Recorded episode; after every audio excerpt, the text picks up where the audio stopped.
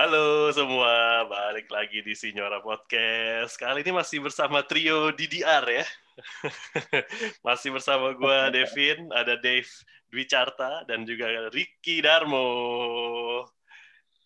Gimana Rick? Ada ada pesan pesan pesan di awal apa? Hah? Ayo dong. Apa ya? Nggak ada sih gua. Oh, nggak ada. Nggak ada, nggak ada Eh, jok-jok. Nggak ada gini. jok-jok awal. Nih, baru kepikir nih gua nih. Lu tahu nggak pemain mana yang begitu dia ketemu orang, orangnya langsung minta ampun, minta ampun. Tahu nggak lu siapa? Pemain. Juve mana? Oh, gue baru mau mau bilang maaf maaf Don, maaf Dona, Diego maaf Dona.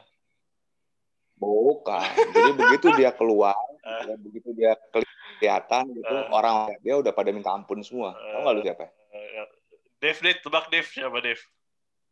Hmm, siapa ya? Nggak tahu siapa. Nggak nggak berusaha. Hmm? Nggak tahu siapa? Westo, Mikeni, ampun.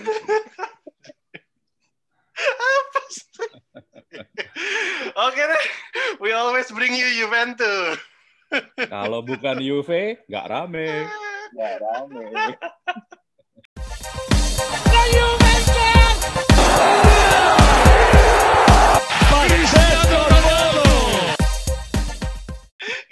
Weston tuh apa sih maksudnya? Weston bahasa Jawa ya?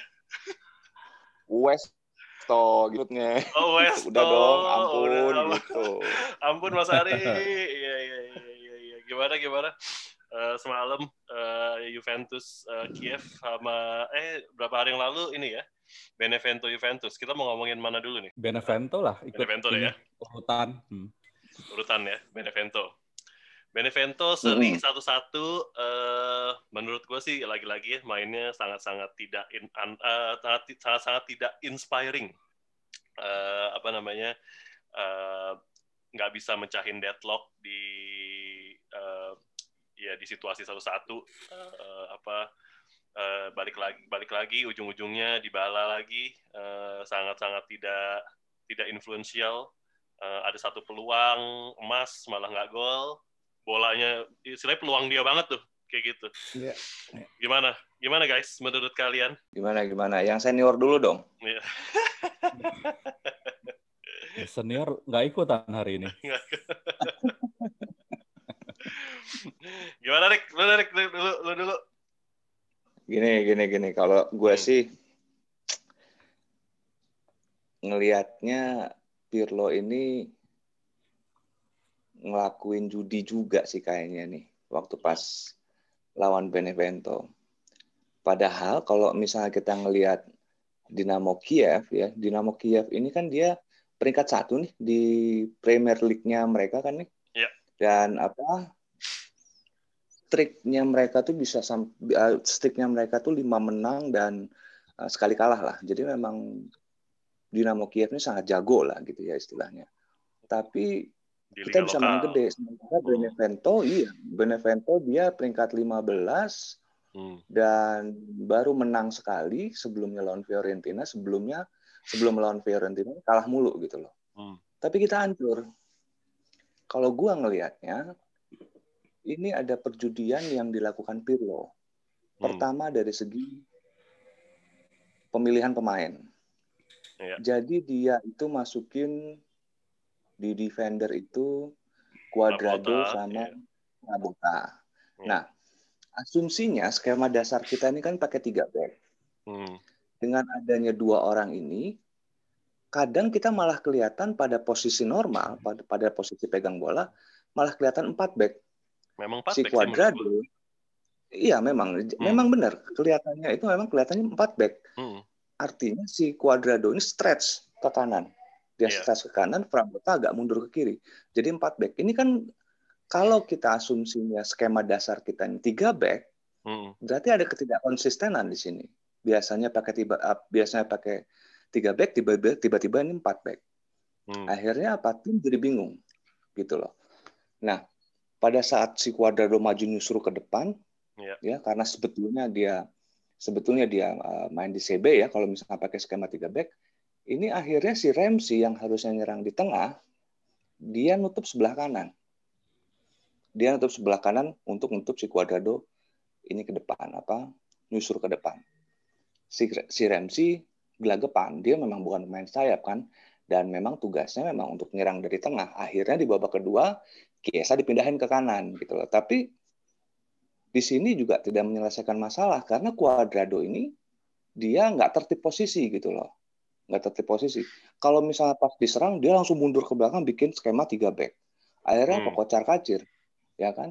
Kesa nggak bisa nyerang karena eh, karena pontang panting harus nutupin Cuadrado. Dan hmm. akhirnya jadi berantakan timnya belum lagi ditambah sama kondisi si Dybala yang gue nggak ngerti nih dia ini kan free roam ya kemarin itu bebas hmm. mau ke mana aja kelihatannya. Apakah ini restunya Pirlo, memang disuruh Pirlo, atau emang dia mau sendiri? Tapi intinya, si Morata nggak punya partner di depan. Dia touch ball-nya cuma berapa, gue baca di uh, statistik gitu ya, tapi sangat sedikit Morata. Hmm. Dan bola itu kebanyakan dia apa crossing si Dybala. Intinya tektokan yang biasanya kejadian antara si Morata di bala dengan Ramsey ya, skema apa skema trekortista si Ramsey ini gak jalan akhirnya.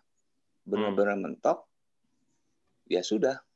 Kita cuman bisa nyiptain peluang-peluang tapi nggak ada yang gol. Akhirnya Benevento kalau gue ngeliat di sini dia justru walaupun peringkat 15 tapi malah outsmart out muscle kita gitu loh. Kita hmm. malah kalah kelihatannya.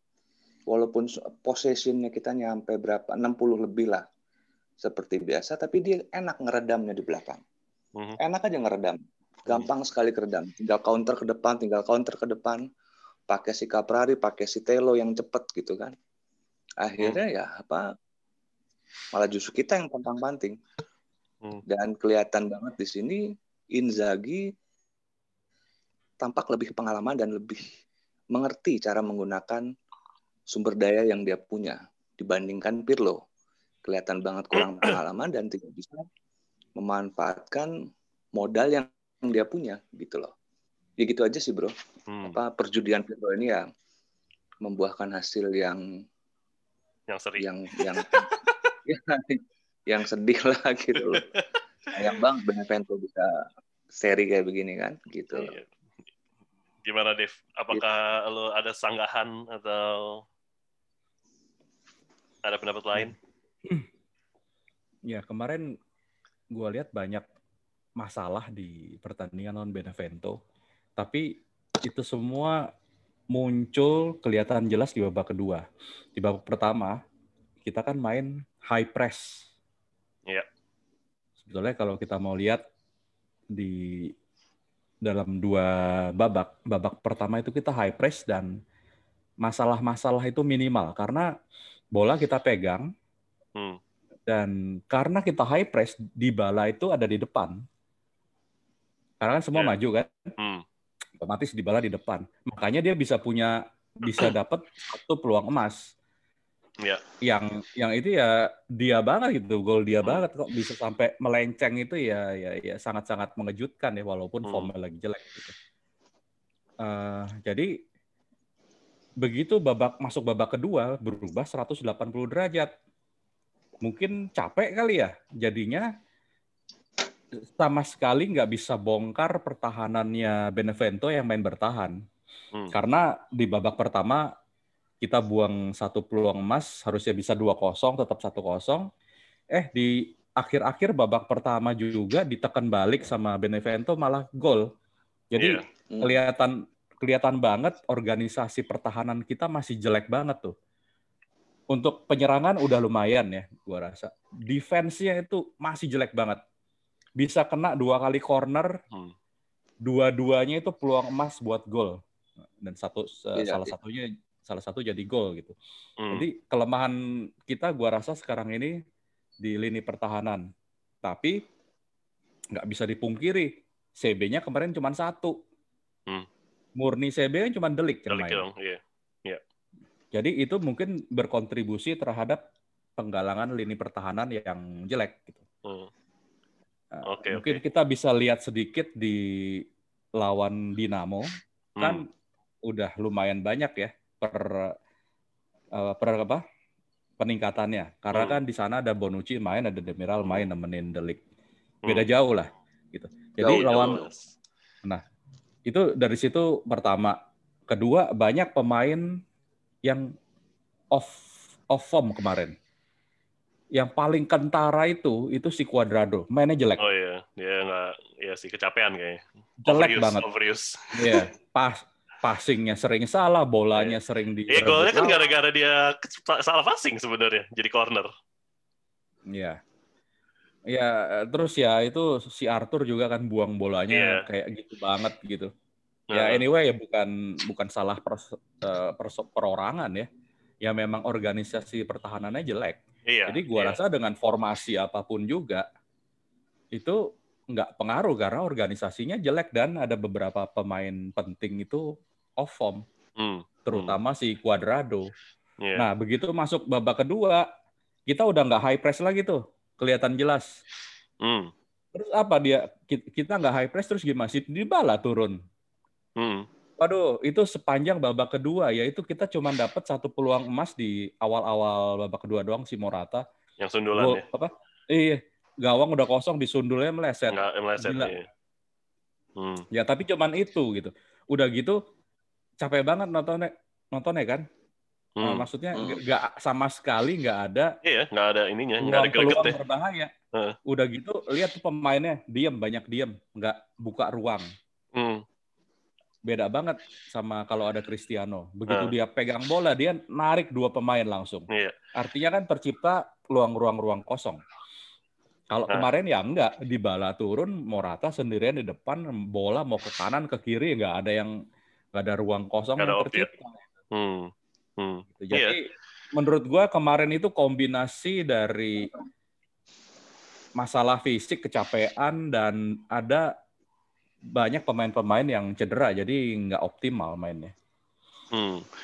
Tapi sebenarnya kalau mau di eh, ya memang sih maksudnya kayak kalau dilihat dari lini belakang juga cuma cuma delik doang yang benar-benar murni saat eh, back tengah gitu. Terus yang yang menurut gua agak eh, apa namanya a- approach-nya Pirlo ya menurut gua eh, rada-rada rada-rada harus dipertanyakan gitu ya.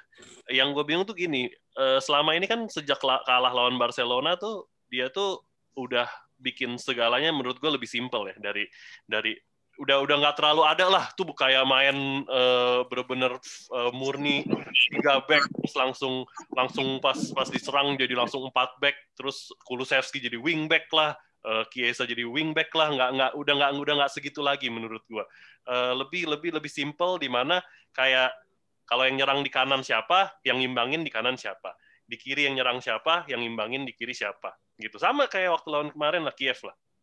Ya, Ya. yang nyerang di kanan ada Chiesa yang ngimbangin ada Demiral. Di kiri eh, Alexandro yang lebih yang lebih overlap eh, Ramsey atau Bentancur eh, yang cover kalau misalnya apa ada ada ada lobang di situ gitu. Nah waktu lawan Benevento nih gue nggak gue justru ngelihatnya malah kebalik gitu.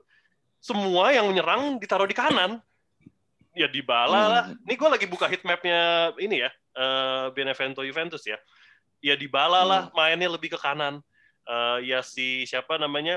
Si Chiesa eh, juga mainnya lebih murni jadi sayap kanan. Cuadrado juga obviously jadi eh, jadi back kanan gitu. Eh, ya entah wing back entah full back ya whatever you wanna call it lah gitu jadi di kirinya tuh bener-bener nggak ada ancaman. Fra- eh, Frabota bener-bener ya ya Frabota lah gitu. Maksudnya mau mau mau, mau, mau diharapin apa juga sih gitu. Terus Ramsey Iya. juga Baik. Ramsey juga nggak nggak nggak nggak nggak bisa bikin ancaman apa-apa lah gitu. Eh, dia cuma eh, nge-touch bola juga berapa kali gitu. Dan dia ya balik lagi gitu menurut gue nih orang tuh posisinya apa ya? Maksudnya lebih dia tuh mendingan dikasih be- ruang bebas di di di depan aja deh nggak usah nggak usah dikasih nggak usah dikasih responsibility bertahan gitu menurut gue dia tuh nggak bisa Iya ya, benernya Nggak- ya gitu bisa, aja. nggak- Soalnya nggak- nggak- bisa dia tuh ngemban ngemban dua tugas kayak gitu tuh nggak bisa menurut gue soalnya bertahan dengan 10 pemain ya udah oke kok. iya Satu gitu. Jadi- lepas gitu kan umum ya. Heeh, jadi Ngapain makanya dia turun-turun gitu? jadi makanya menurut Jadi- gua tuh ngebingungin tuh approach Pirlo kemarin tuh kayak gitu. Kenapa semua semua tuh di, di, di- ditaruh di kanan gitu. Eh apa Jadi- Chiesa, Cuadrado sama di sampai di bala juga mainnya ada ke kanan menurut gua. Kalau kalau Iya, overloading kan? gitu, menurut gua sih cukup normal. Kalau sebenarnya Juve itu main kan ya gitu ya, dan secara umum pemain pem- apa tim-tim di Eropa ya gitu, overloading di satu sisi, terus begitu ada kesempatan dia buang ke sisi lain. Itu Nah. kelihatan jelas waktu lawan Kiev kemarin. Betul, itu betul. Tapi di, Itu, di kiri umum ada kok. iya, betul. Tapi di kiri ada Alexandro yang emang udah gampang Betul. main kayak Bedanya gitu. di situ. Kemarin itu mungkin perbedaannya adalah kita mainin Frabota. Nah, iya Nah, makanya kalau menurut gua tuh nggak ada yang ancaman main gitu. Di iya kiri kalau ada yang main ancaman. Bernadeschi itu kemungkinan kita bisa menang. Gokil. Loh, logikanya bener nggak? Eh, gua rada Lihat- ragu sih. Enggak kalau kalau lihat dong, kalau Alex permainan- kalau kalau Alexandro Permainan mungkin belakangan ini coba perhatiin, udah Lebih jauh lebih lah. baik daripada tapi oke sebelumnya. lah, dibandingin Ramsey sih gue juga mendingan si Bernadeschi kok. Iya, iya. Soalnya tim itu sekarang dia lebih percaya ke Bernadeschi. Buktinya operan-operan tuh udah banyak ke Bernadeschi. Bandingin sama si Ramsey. Kemarin lihat aja tuh. Bener-bener dia bolak-balik minta bola nggak dikasih sama tim si Ramsey ini. Bener-bener kayak headless chicken aja akhirnya gitu loh. Iya, minta makanya menurut gua menurut gua Banyak. nih, nih, nih Jadi pemain tim ini nih sebenarnya harus percaya. dikasih free roll-nya itu tuh di di depan emang di sepertiga lapangan lawan gitu. Dia tuh nggak bisa malah kalau misalnya mau sekalian bikin dia jadi false nine aja kalau perlu kalau emang kepepet gitu ya. dia nggak punya kemampuan penetrasi kalau si Ramsey. Gue juga bingung. Kayaknya dia memang ada masih adaptasi sampai sekarang. Disuruh. Gua rasa dia masih agak cedera tuh gua penetrasi rasa tuh. Bisa. Ya, benar Ya mungkin kan belum trequartista nggak bisa nyambungin gitu. Jadi gue juga bingung sih kalau Pirlo ngomong ini potensinya ada, gue ngelihat di lapangan kayaknya enggak deh masih malah lebih Ramsey- bagus Bernadette. Ramsey mungkin nggak fully fit, tapi perannya off the ball-nya lumayan menurut gua kemarin. Ya waktu lawan Kiev sih ya nggak nggak nggak sejelek waktu lawan Benevento sih harus gue akui ya. Emang waktu Benevento dia starter ya? Gua nggak Iya, ingat ya. Starter dia di Starter kiri. ya? Heeh. Iya, dia kemarin lumayan mainnya. Mungkin waktu lawan Benevento dia ini masih belum fully fit kali. Nah makanya itu dia yang gua gua agak bingung gitu ketika lu pasang Ramsey di kiri gitu kasarnya, terus eh, yang nemenin Frabota lagi. Maksudnya ya Iya. ya ya gimana lu mau mau expect apa gitu? Eh, apa yang satu baru, yang satu juga ya ya cuma average team player lah gitu. Ya karena mi- mikir Iya, mikir CB-nya mungkin ya. CB-nya kan habis. Mungkin Iya diperbantukan ke tengah karena kan dia tinggi besar tuh. Si Lah, kok- Frabota. kalau iya, kalau lo Nah. mainin si Bernadeschi di situ nyerangnya oke, tapi defense-nya ya kan keteteran dong. Iya betul. Jadi, bisa, bisa gua rasa jadi. Nah, Kenapa Ya, si Frabota main ya karena CB-nya kurang. hmm. Nah, buktinya kemarin lawan Kiev kan dia kagak main si Tapi Frabota. kenapa nggak kenapa yang gue pertanyaan tuh kenapa nggak Alexandro main waktu lawan Benevento? Bahkan Alexandro tuh nggak nggak dimasukin sama sekali loh untuk jadi sub. Nah ya itu makanya Itu judinya itu jadi ada Heeh. mentalitas agak agak ngentengin gitu loh. Heeh. Kelihatan kok dari pemilihan pemainnya. Hmm. Bisa-bisanya si Cuadrado dijadiin CB, ya kan? Ya kalau misalnya kita bicara skema dasar gitu ya. Dari beberapa kali kesempatan kan kelihatan tuh si Cuadrado jadi CB, nemenin si Delik sama si si siapa? Satu lagi Danilo, Danilo. ya kan? Keteteran, berantakan. Sebenarnya ya Kalau- kalau kalau kita lihat kalau Juve bisa manfaatin peluang emas, dua itu dua peluang emas. Gila itu berapa ya 10 kali 9 kali gol kali. Hmm. Itu kita menang menang gampang loh, menang 3-1 dengan mudah itu. Hmm. Cuman ya karena mereka nggak bisa manfaatin peluang emas jadinya semua ini kebuka gitu ya, jadi jelek gitu. Iya. Iya. Padahal kalau Memang. benernya itu bisa gol, Nah, kalau kita main- mainnya santai, nggak nggak akan juga dua kali kan dapat sebetulnya. Nah, Kenal, iya makanya. nah, itu gua gua nggak gitu lihat loh. Iya Soalnya yang delik-delik ditarik-tarik itu ya. Ya 50-50. Ah, Iya, Betul. yang delik ditarik iya. Nah. Tapi kalau yang terakhir enggak tuh, yang si Morata marah-marah minta penalti Nah. itu enggak tuh gua rasa tuh. Cuma Tapi itu nggak tahu dia, sih. menurut gua ketika ketika kondisi salah satu, ketika kondisi salah satu gitu eh, kayak nggak ada apa nggak tahu ya menurut gue ya pemain-pemain kayak macam Dybala tuh kayak kayak nggak nggak nggak nggak nggak step up gitu kapten lagi kemarin alah enggak dia dari masalah utama di Bala itu selain selain selain sering turun kan memang masalah mentalitasnya dia bu, belum atau bukan tipe leader ya hmm. gitu dan pemain-pemain lain juga lagi nggak ada ada delik di belakang iya umurnya baru berapa tapi kan tapi itu ya dari se semua pemain yang main lawan Benevento itu potensi jadi kapten itu sebetulnya cuma satu yang bagus ya si Delik itu. Delik doang memang memang yang umurnya memang ada, umurnya ya. baru berapa dia? 20 iya. 21. 20 20. 20 ya. Baru 20. Iya. Mm. 20 gitu. Tahun 2000-an tengah gitu. Kemarin begitu game selesai kan kelihatan banget yang siapa sih yang yang mencoba meredam suasana kan si iya, Delik. Si Morata kan marah-marah terus yang uh. lain pada ngerubunginnya. Yang coba narik-narik pemain ya sambil ngomong. Iya, Delik. Udahlah gitu, udah udah gitu kan. Nah, ya kan dia kan Iya, makanya gue nah, ya itu. kasih aja kaptennya ya itu sebenarnya. Nah, itu nggak mungkin. nggak mungkin. Juve kan pakai sistem itu dia, apa namanya? Senioritas. Caps ya, pakai caps yeah. dan itu kan berjalan dengan baik. Ya menurut gua ya tunggu giliran aja lah Delik. Kan gitu. antara kapten resmi dengan kapten di lapangan sebetulnya juga kan sering beda ya. Iya kayak sih. di Bar kayak di Barca ada kaptennya kan Messi, tapi kapten resminya kan Mascherano dulu. Iya. Kayak eh, bukan kap, kayak, kapten on uh, ini on, on the yang, field yang, yang, gitu. yang, yang vokalnya ya, yang vokalnya kayak kayak sekarang ya. mungkin kayak Pique gitu. Yang benar-benar mimpin tim uh, di lapangan itu kan uh, Mascherano dulu, iya. bukan Messi. Nah, udah nih kan udah perjudian kita sepakat ya perjudian yang rada gagal di Benevento. Uh, menurut gue emang approach-nya Pirlo yang agak-agak agak ngejelimet gitu ya. Uh, emang benar sih bikin mm-hmm. bikin pemain bingung. Ya mungkin ditambah juga beberapa pemain yang overuse kayak Cuadrado uh, apa jadi performa juga nggak maksimal gitu. Nah waktu lawan Kiev uh, sekali lagi kita menyaksikan Juventus yang bisa dibilang ya effortless lah gitu menangnya. Men nyiptain peluang nyiptain peluang iya uh, ya hampir menurut gue sih udah agak-agak mirip-mirip ketika waktu lawan Cagliari lah gitu. Biarpun ya ada beberapa momen uh, kecolongan, tapi ya Champions League game uh, menurut gue space-nya juga di mana-mana gitu. Jadi uh, hmm. ya wajar lah kecolongan satu satu dua peluang gitu. Uh, cuma ya akhir-akhirnya uh, peluang-peluang Juventus uh, bisa di convert semua gitu. Perbedaan yang menurut gue paling paling ketara itu sih ya ya balik lagi ya mau nggak mau tidak adanya Dybala dan adanya Ronaldo gitu. Betul. Apa uh, Ronaldo nih biarpun gue ngeliat Ronaldo nih main di di bawah Pirlo ya. Uh, udah bukan jadi wide forward lagi tapi dia tuh bener-bener main free roll banget gitu. Free roll dalam arti dia menjadi kayak semacam uh, konektor lah antara antara lini tengah ke lini depan dan ntar dia tektokan sama Morata dan dia punya speed itu gitu. Dia punya speed uh, untuk ngelakuin uh, kayak one touch pass terus dia langsung lari one to one to cepet sama Morata tuh bener-bener dua-dua orang ini tuh punya speed dan ini menurut gue nggak nggak dipunya di bala dan dan dan dan balik lagi menurut gue ini kenapa kita bisa menang dengan dengan bisa dibilang comfortable lah di di Kiev. Gimana deh menurut lo? Ya itu gue setuju. Tapi yang nggak kalah penting ya defender defender kita udah mulai balik Jelas lah, kan gue udah bilang kalau Delik sama Demiral udah masih clean sheet. Belum. Karena eh, lagi tuh eh, clean sheet, clean sheet dua kali loh, clean sheet dua kali udah udah hari juga.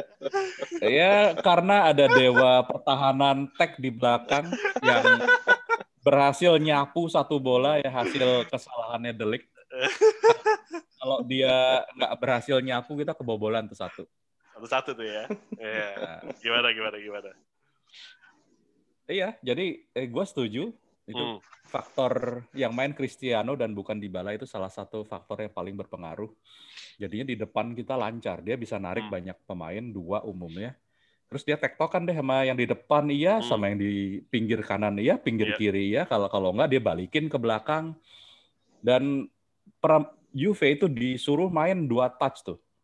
Hmm terima pas terima pas jarang yeah. yang pegang bola lebih dari dua mm. dan nggak pernah ada yang pakai bukan nggak pernah ya ada tapi sedikit main one touch itu juga sedikit mm. most of the times pakai dua touch dan mm. itu jalan mm. gitu nah selain itu ya itu di belakang defender kita udah pada balik mm. Bonucci balik eh, Demiral balik main tiga back ya udah santai. Yang dua punya speed, yang satu bisa galak pertahanan, Hmm. ngoper sana sini. Pas lagi diserang, pas lagi ketekan, terutama lagi-lagi di akhir babak pertama kita ketekan kan, 5 atau 10 menit, ya kita nggak kebobolan Hmm. dan kelihatan lumayan terorganisir. Hmm. Loh, ya karena baliknya CB veteran walaupun turun, tackle dia udah nggak sebagus dulu, tapi tetap ada kelebihan ya. Mau mau nggak mau kita mesti ngakuin kan. Tapi Gitu. balik lagi seperti yang gue bilang sih. Gimana gimana lanjut lanjut. Dan mungkin faktor ketiga Nah. juga si Kiesa udah mulai lebih Tune in. tune in ya di bola dikasih ke dia mulu tuh ke kanan mulu. Begitu ada kesempatan overload kan di kanan. Begitu ada kesempatan lempar ke kiri ada Alexandro. Nah itu dia Gol bilang. pertama, gol pertama itu di cross sama Iya. Alexandro. Iya. Harusnya ada lagi satu gol dari Cristiano ya Iya, yang kena gara-gara tiang. ya, upright, kena upright ya, Iya, kena crossbar. iya kena cross atas ya. Ya, itu dari belakang kanan dioper ke kiri depan. Iya. Tinggal satu lawan satu dilewatin, oper, harusnya gol.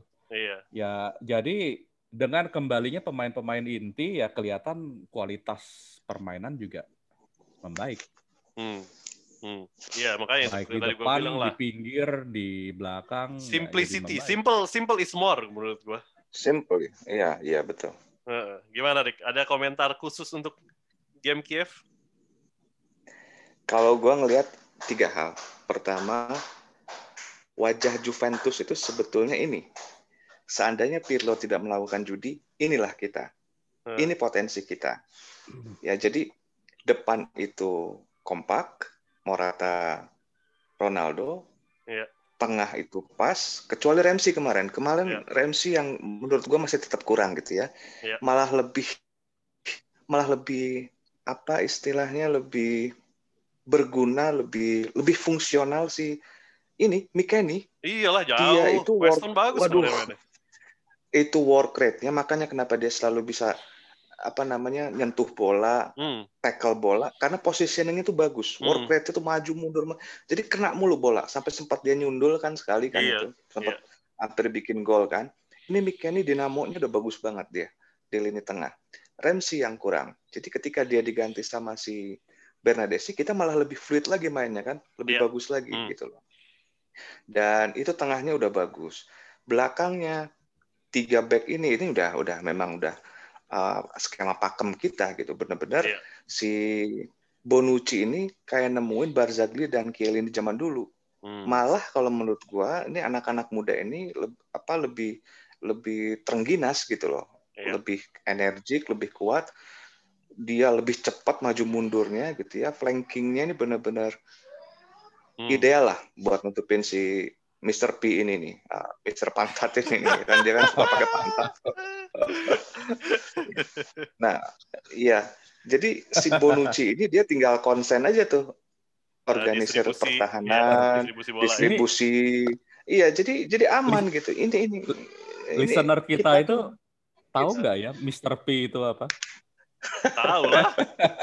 Pak, masih ada ya Mr. P itu ya? Tadi tadi dijelasin Ada lah. Ricky. Mr. Pantat kan.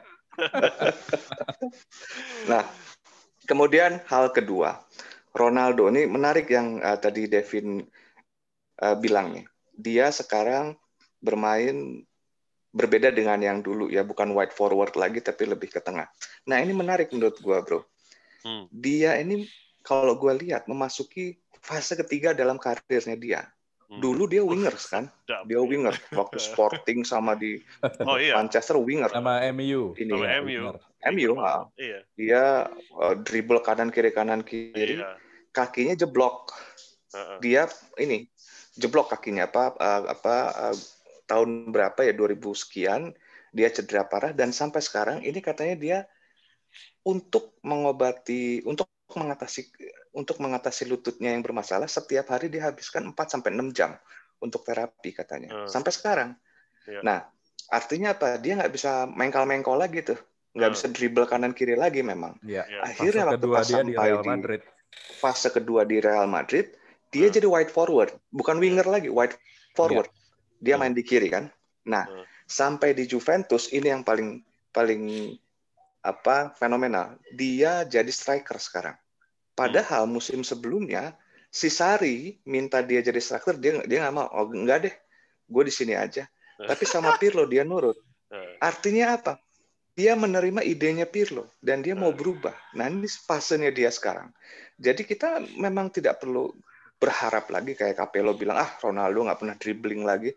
Memang tidak. ya iyalah. Dia Ya, sudah udah udah fase punya. berikutnya iya, sekarang. eh, iya, betul. Dia bisa memanfaatkan uh, insting dia yang bisa di, bisa dibilang melebihi Inzaghi dalam pencetak gol gitu loh. Dia Hmm. cuma tunggu buka ruang, uh, positioningnya dia, tembak gol gitu loh. Malah lebih efektif lagi sekarang. Iya, Jadi sangat main sangat ya apa sangat potensial justru musim ini kita apa tunggu si Ronaldo bakal lebih banyak mencetak gol lagi. Jadi nggak perlu banyak-banyak bergerak kayak dulu lagi gitu. Itu fase ketiganya dia tuh ya. di Juventus sekarang. Kita lihat berhasil apa enggak dia jadi top scorer. Nah, terakhir yang ketiga, Dragusin, Bro.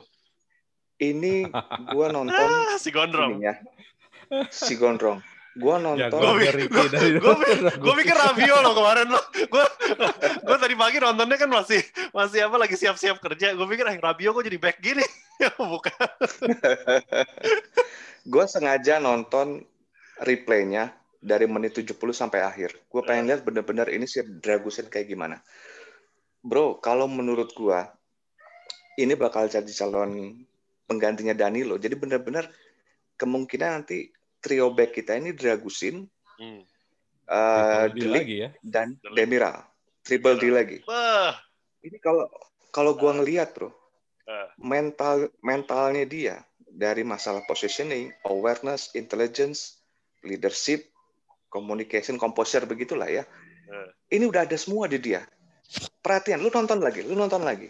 Eh. Dia ngejagain si strikernya Dinamo Kiev itu bener-bener nggak dilepas sama dia.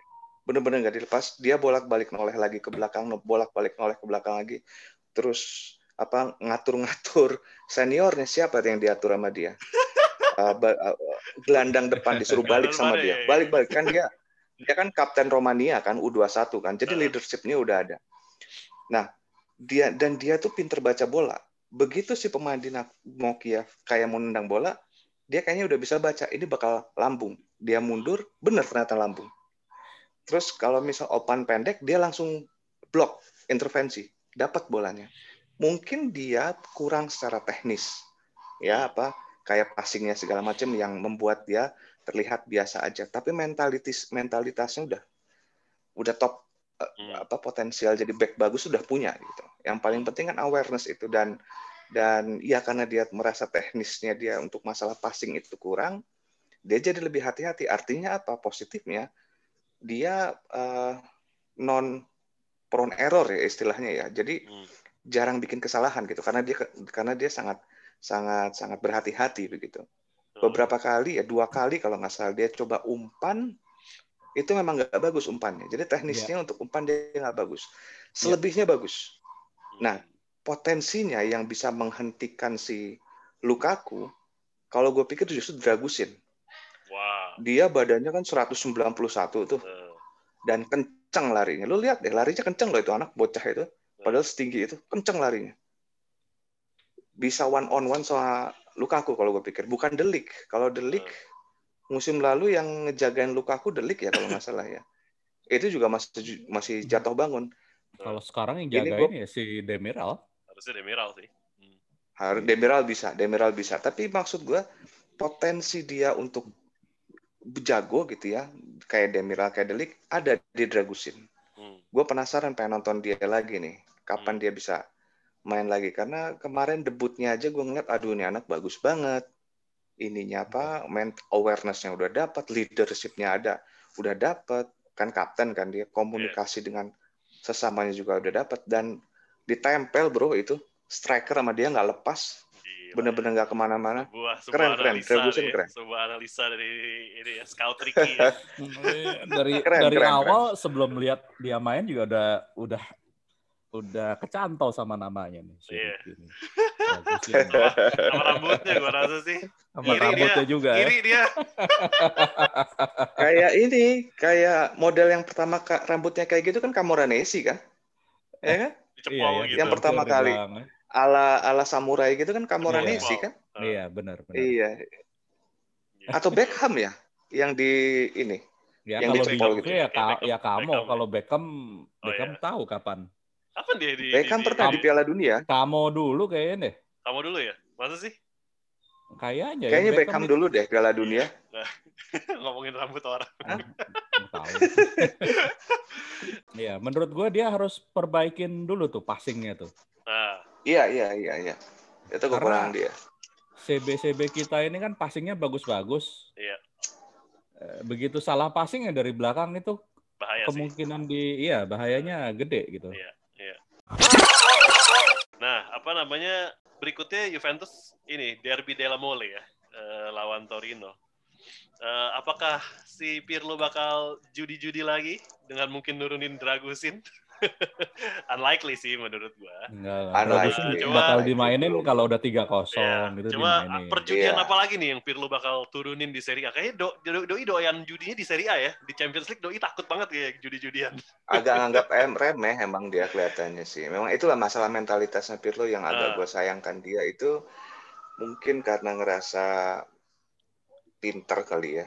Karena dia instruksi dari atas juga. Bukan Lo di menurut UCL jadi- seri atau kalah Iya. duitnya duitnya berkurang. Ah, kalau menurut gue Pirlo itu mentalitasnya kayak gitu karena dia dari kecil tuh sering dibully sama orang tua lawan dan sama orang tua nggak sama orang tua Iya, sama iya. orang tua Iya, teammate-nya lu tahu gak ceritanya Iya, iya. waktu zaman dia Iya, di gue pernah baca, iya, iya. ya di Brescia ya kalau salah dia, dia, dia Iya. timnya Brescia kan waktu waktu kecil kan Iya, iya. jadi Ah, tuh eh, dia kan emang playmaker kan eh, nomor 10 gitu trequartista kan Iya. jadi orang tua murid eh, orang tua anak-anak temen-temennya tuh eh, kalau misalnya si Pirlo pegang bola itu tuh suka di kayak kayak dimarahin lu jangan pegang bola sering-sering digitu-gituin terus Oh, nah makanya tuh dia tuh kesel gitu makanya dia dia tuh tum- tumbuh mental mental mental sombongnya ya kasar mental sombongnya itu tuh iya, tumbuh iya. tuh gara-gara itu overconfident lah. Oh iya, Bukan sombong confi- kali iya, ya, maksudnya kayak dia ngomong Ah. kayak ya gue final Piala Dunia gue cuma main PlayStation Ah. kemarin em, apa malamnya gue nggak nggak nggak nggak prepare apa-apa kayak gitu tuh maksudnya kayak kayak hal-hal yang nyeleneh nyeleneh nyeleneh nyelenehnya kayak gitu tuh Iya, itu tuh nyeleneh, di nyeleneh. build-nya tuh dari dari dari dari dia kecil itu tuh karena dia sering di sering dibully kasar ya kayak kayak sering di iyalah sering diprotes lah sering diremehin gitu Hmm. itu makanya kan dia langsung maksudnya pas muncul di senior jadi salah satu playmaker paling hebat di dunia lah gitu Oh. itu dari situ makanya dia ini. Nah tapi balik lagi ke derby della mole nih. Kira-kira lo prediksi ada judi-judi apa lagi? Atau apakah udahlah cukup lah ayo kita main main yang main udah simpel-simpel aja yang udah kayak waktu lawan Dinamo Kiev lawan eh, Ferencvaros eh, bahkan lawan Cagliari ya terakhir di liga yang mainnya yang mainnya gue bilang comfortable gitu gimana Rick ada Gimana? Dave perjudian dulu. lagi? Dave dulu deh Kalau Dev dulu, ya udah. Ya menurut gue perjudian akan berkurang karena Morata nggak main jadi udah pasti di depan si Cristiano sama Dybala.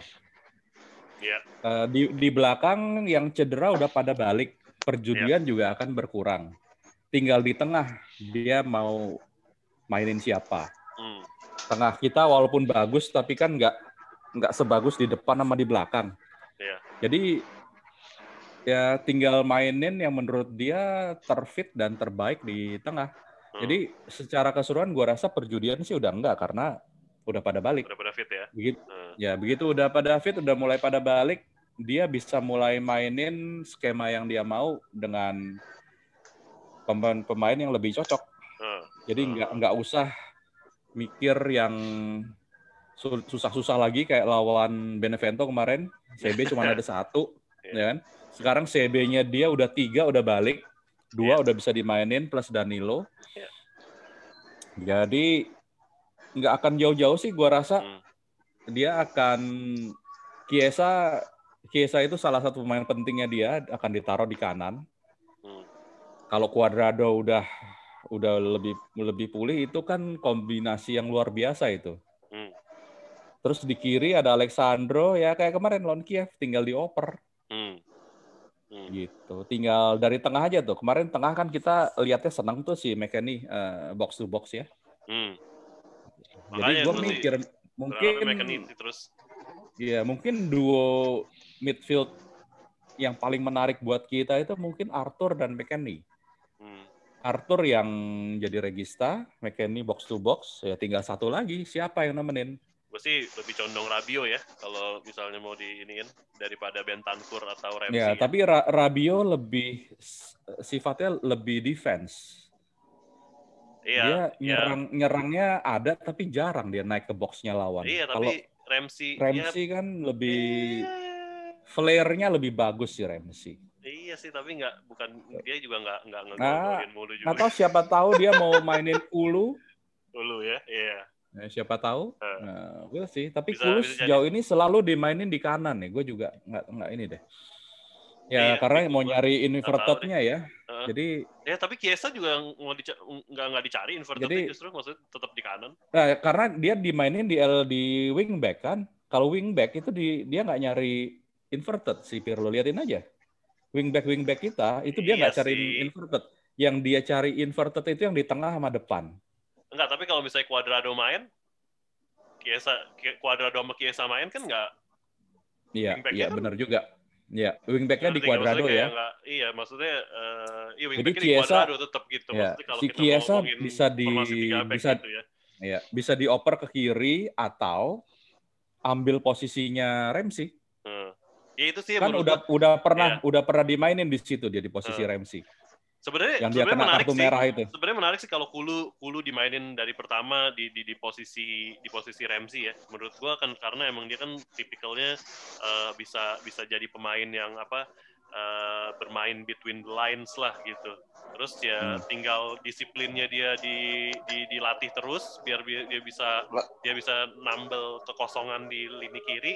Cuma pas nyerang tuh bener-bener menurut gua bisa mengancam banget sih gitu coming from behind gitu apa coming from the second line gitu menurut gua ini banget lebih bisa lebih jauh lebih bahaya gitu daripada ya ya Ya. Ramsey juga nggak pernah bahaya sih menurut gua Ya serangan baliknya tuh anak udah udah mulai kelihatan oke tuh si Kulu.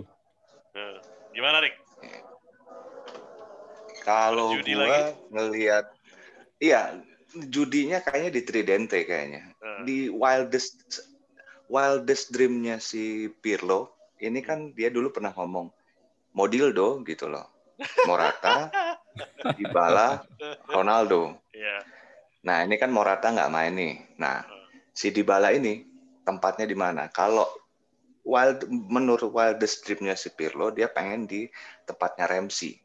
hmm. Tapi, Tapi- itu ada ada tapinya, Rick. Dia ngomong gitu Iya. itu mainin tiga orang itu itu ada tapinya. Hmm. Dia bilang itu pun juga harus dengan struktur yang lebih kuat. Oh iya, makanya. Jadi nggak bisa dengan didukung. struktur yang ada mainin tiga pemain itu bareng. Gua rasa dia maksudnya begitu tuh. Dia nggak bakal Oh iya, bisa memang. mainin tiga pemain itu bareng kalau strukturnya masih seperti ini. Kalau misalnya bicara ideal, belakangnya harus benar-benar apa namanya benteng gitu loh. Karena memang di bala kan emang kurang tuh ininya defense-nya gitu loh. Tapi maksudnya di sini uh, untuk posisi tridente ini kalau bicara soal keinginan Pirlo, Dybala yang akan ditaruh di posisi posisi tridente. Walaupun kalau menurut gua kalau lihat dari game-nya Lazio yang paling cocok Kulusevski. Hmm. Dia begitu keluar kerasa banget kita hilang otot gitu loh. Walaupun emang ya dia masih adaptasi sih ya, masih suka hilang hilang bola segala macam, tapi setidak-tidaknya dia mampu menyambung gitu loh bro antara depan dengan uh, de- dengan belakang dan apa istilahnya uh, cara dia ngelepasin ngelepasin apa dari serangan dari dari tumpukan pemain lawan tuh yang bagus banget itu loh. Ingat Hmm. nggak yang tiga tiga pemain lagi ngelilingin dia, dia tiba-tiba bola dilepas ke depan sama dia, dia lari ke depan, lepas aja sendiri. Itu kan potensial banget gitu loh. Nah, Hmm. untuk game Torino ini kalau menurut gua Kulusevski akan ditaruh di Tridente, kemudian Dybala pindah ke tempatnya Morata. Ya, Nah, mudah-mudahan dengan adanya, iya mudah-mudahan dengan adanya Ronaldo, si Dybala ini bisa lebih nurut gitu loh. Ya, gue juga nggak ngerti ya kemarin kenapa kemarin-kemarin kenapa dia free roam gitu nggak jelas. Hmm. Tapi yang mudah-mudahan dengan adanya Ronaldo ya dia bisa bisa lebih nurut gitu sama senior kali ya. Hmm. Paling itu aja sih bro untuk Hmm. untuk untuk back udah nggak ada masalah untuk lini tengah idealnya sih kalau gua gua tuh pengen selalu Mika ini selalu ada. Makanya Iya. formasi Setuju ideal menurut gua buat buat gua loh ya, buat gua ya. Formasi ideal buat gua ini 4-3-3. Tiga di tengah ini harus selalu ada Mikeni. Hmm. Jadi entah itu Arthur Rabio Mikeni, Arthur apa Bentancur. Mikeni, Hmm. yang penting ada Mikeninya karena dia Betul. benar-benar bisa nyambungin permainan gitu, dinamonya, glue-nya gitu loh. Iya. Tapi kalau misalnya dia main pakai dua gelandang begini, Daya jelajahnya Ya. tinggi banget tuh orang. Iya, bagus banget. Hmm. Sayang kalau misalnya nggak dipakai. Cuma kalau misalnya kita pakai dua gelandang kayak yang sekarang, ya menurut gue sih dia lebih berhak ya nempatin posisi itu dibandingin sama senior-seniornya yang Iya. lain ya. Cuman Hmm. ya susah untuk menyingkirkan mereka begitu aja. Nanti ada ketidakseimbangan di locker room kan, Hmm. ada yang marah segala macam, repot juga Hmm. gitu. Oke. Jadi ya ya Arthur lah pemain 80 juta itu pasti dimainin. Walaupun sampai sekarang gue ngelihat dia belum punya visi yang terlalu bagus. Gini loh, sebetulnya dia bagus banget megang bolanya, hold up bolanya bagus banget. Cuman dia nggak pernah berani untuk Taking apa risk. istilahnya ya, uh, taking any risk untuk Hmm. ya lob bola ke depan, nggak pernah Iya. berani. Hmm. Sayang kan gitu loh. Iya. Padahal Udah banyak yang mulai kosong bener ya. peluang. Kemarin lawan Ah, Kiev dia masuk jadi cadangan, dia udah mulai berani masuk ke box lawan. Iya penetrasi Iya, penetrasi masuk gitu box sih ada sih. Iya, Iya. jadi Ya karena Itu- sudah 3-0 kan, dia merasa uh, free- lebih free Di gitu, lebih angin, di aman atas gitu. Tapi kalau itu misalnya itu ah, pasti udah- karena instruksi pelatih gitu. Dia sampai kayak gitu. ya apa pun lah. Tapi intinya kalau orang punya visi yang bagus, dia akan terus mencoba gitu loh. Hmm. Tiba-tiba apa bola di, di dia daripada terus terlalu lama dipegang sama dia, mendingan langsung uh, kasih kejutan misalnya lempar ke depan gitu. Karena Morata kan larinya kan cepet tuh. Iya. Rasanya sih bisa itu. Kalau misalnya gue kalau misalnya tim ini dulu uh, tim ini sekarang ada si Pirlo, aduh itu nggak tahu Morata sama Ronaldo berapa gol tuh. Karena kan Pirlo kan Ah, terkenal sama visi-visinya Iya, itu kan tiba-tiba bola ke berani depan, langsung dihajar ke depan. ah tiba-tiba ke, ke samping kiri. Nah ini Ah. sekarang kurang. Sebetulnya itu tugasnya Arthur gitu karena dia Hmm. punya kualitas, kemampuan dan memang harganya sesuai untuk menjadi pemain seperti itu. Cuman nggak kelihatan sampai sekarang. Mungkin Iya. nanti kita nggak tahu. Perlu waktu lah gua rasa. Iya. Iya. Bisa jadi sih. Bisa jadi ya perlu ya perlu Hmm. waktu sih betul sih dan apa ya so far sih gue setuju sih emang Arthur sama Dybala nih emang sa- salah dua salah dua pemain yang yang rada bikin apa ya? Bikin serangan yang tadinya apa eh, lagi mengalir cepet-cepetnya tuh bisa bisa ketahan, bisa bisa bisa langsung eh, apa mendadak Iya iya. gara-gara mereka gitu. Entah mereka Momentumnya hilang. Momentumnya hilang betul. Momentumnya Tiba-tiba hilang. hilang gitu. Hmm. Ya, dan mereka tuh Hmm. nggak maksudnya kayak eh ya kayak Pirlo pemain itu itu pemain lambat banget kan waktu dia main gitu tapi dia tuh Iya. tahu ngalirin bola cepet tuh kayak apa tuh dia bener-bener tahu gitu nah itu yang itu menurut gue emang emang ya menurut ya nggak tahu ya sesuatu yang bisa dilatih kah atau atau enggak gue juga nggak tahu sih Iya. emang Pirlo emang kan kadang. pemain kayak Pirlo itu ada berapa? Itu dari dulu sampai sekarang bisa dihitung kali. iya makanya Iya. makanya makanya menurut gue apakah itu sesuatu yang bisa dilatih atau enggak kan gue juga nggak tahu mungkin emang bener-bener cuma muncul satu di setiap purnama alah sedap Eh, gitu nah iya. apa eh ya sepakat lah ya kita kalau misalnya perjudian harusnya udah minimal banget lawan lawan Torino Iya. eh di mana juga ya bisa dibilang tim cuma minus Chiellini doang dan gue juga gue personally gue udah nggak nggak ngitung Chiellini ada di tim lagi eh, dari sejak Oh iya, cedera ACL. lagi ya gila. Iya, cedera lagi kan. Cedera lagi. jadi ya udahlah gitu Eh, bisa dibilang tim udah udah full tim kecuali oh Buffon juga lagi cedera by the way Uh, Hmm. Jadi harusnya emang benar-benar harusnya benar-benar comfortable ya Pirlo nurunin nurunin siapa pun gitu uh, dan dan pemain-pemainnya harus harusnya benar-benar sesuai dengan dengan dengan skemanya dia lah gitu. Nah yang menarik nih uh, selang beberapa hari kemudian uh, lawan Barcelona nih penentuan juara grup UCL.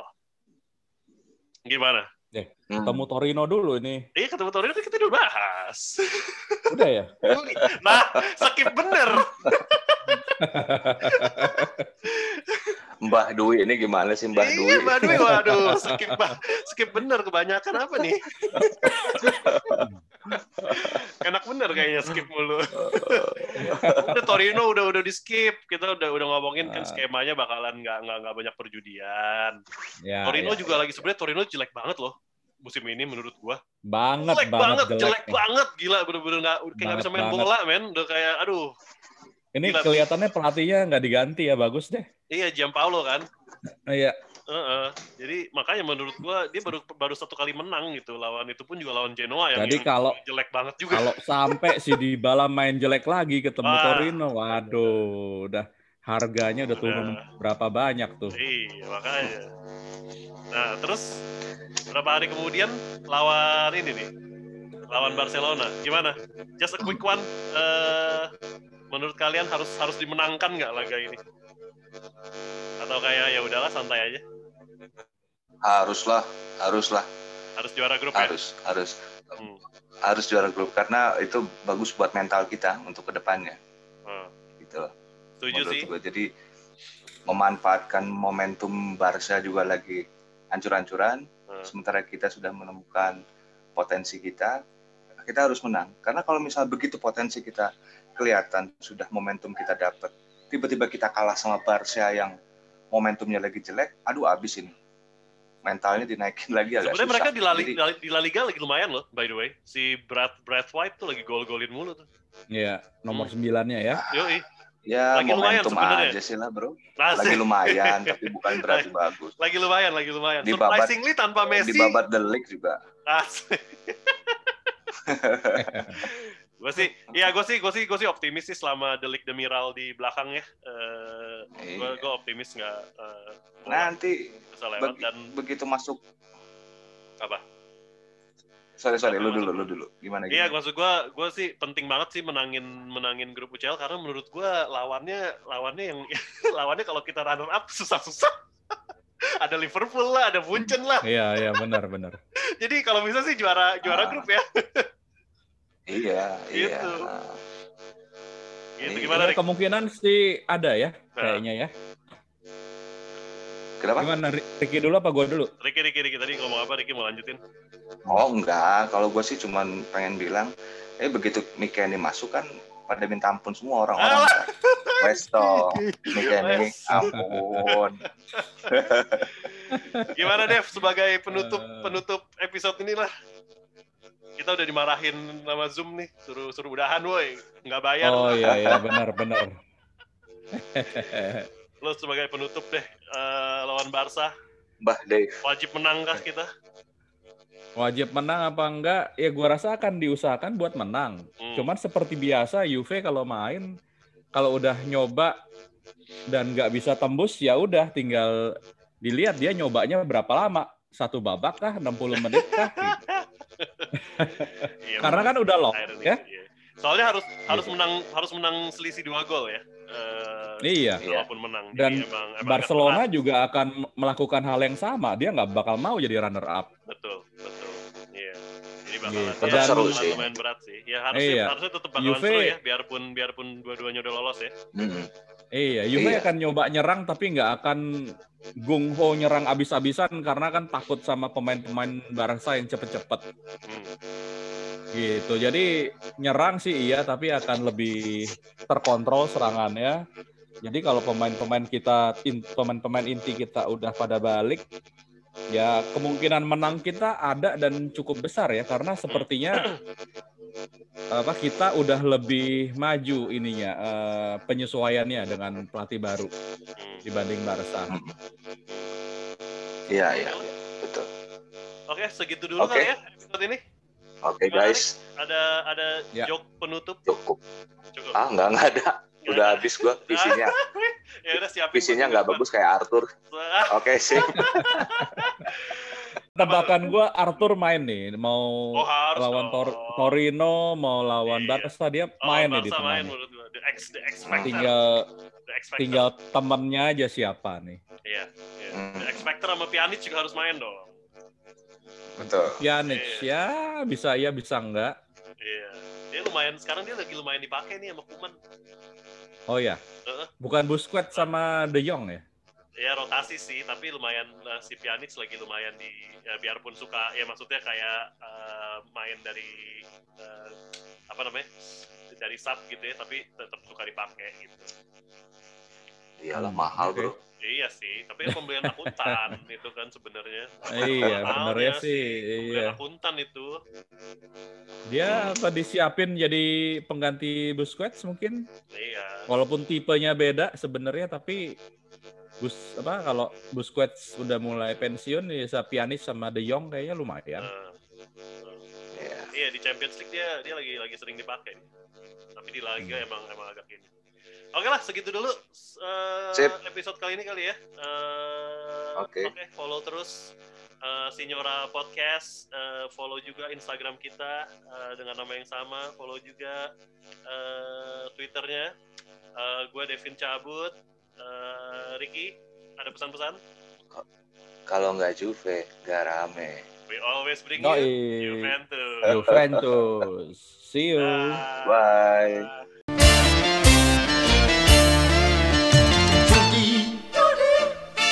menjanjikan kemenangan judi, menjanjikan kekayaan bohong, bohong. Kalaupun kau menang, itu awal dari kekalahan bohong. bohong. Kalaupun kau kaya, itu awal dari tonight.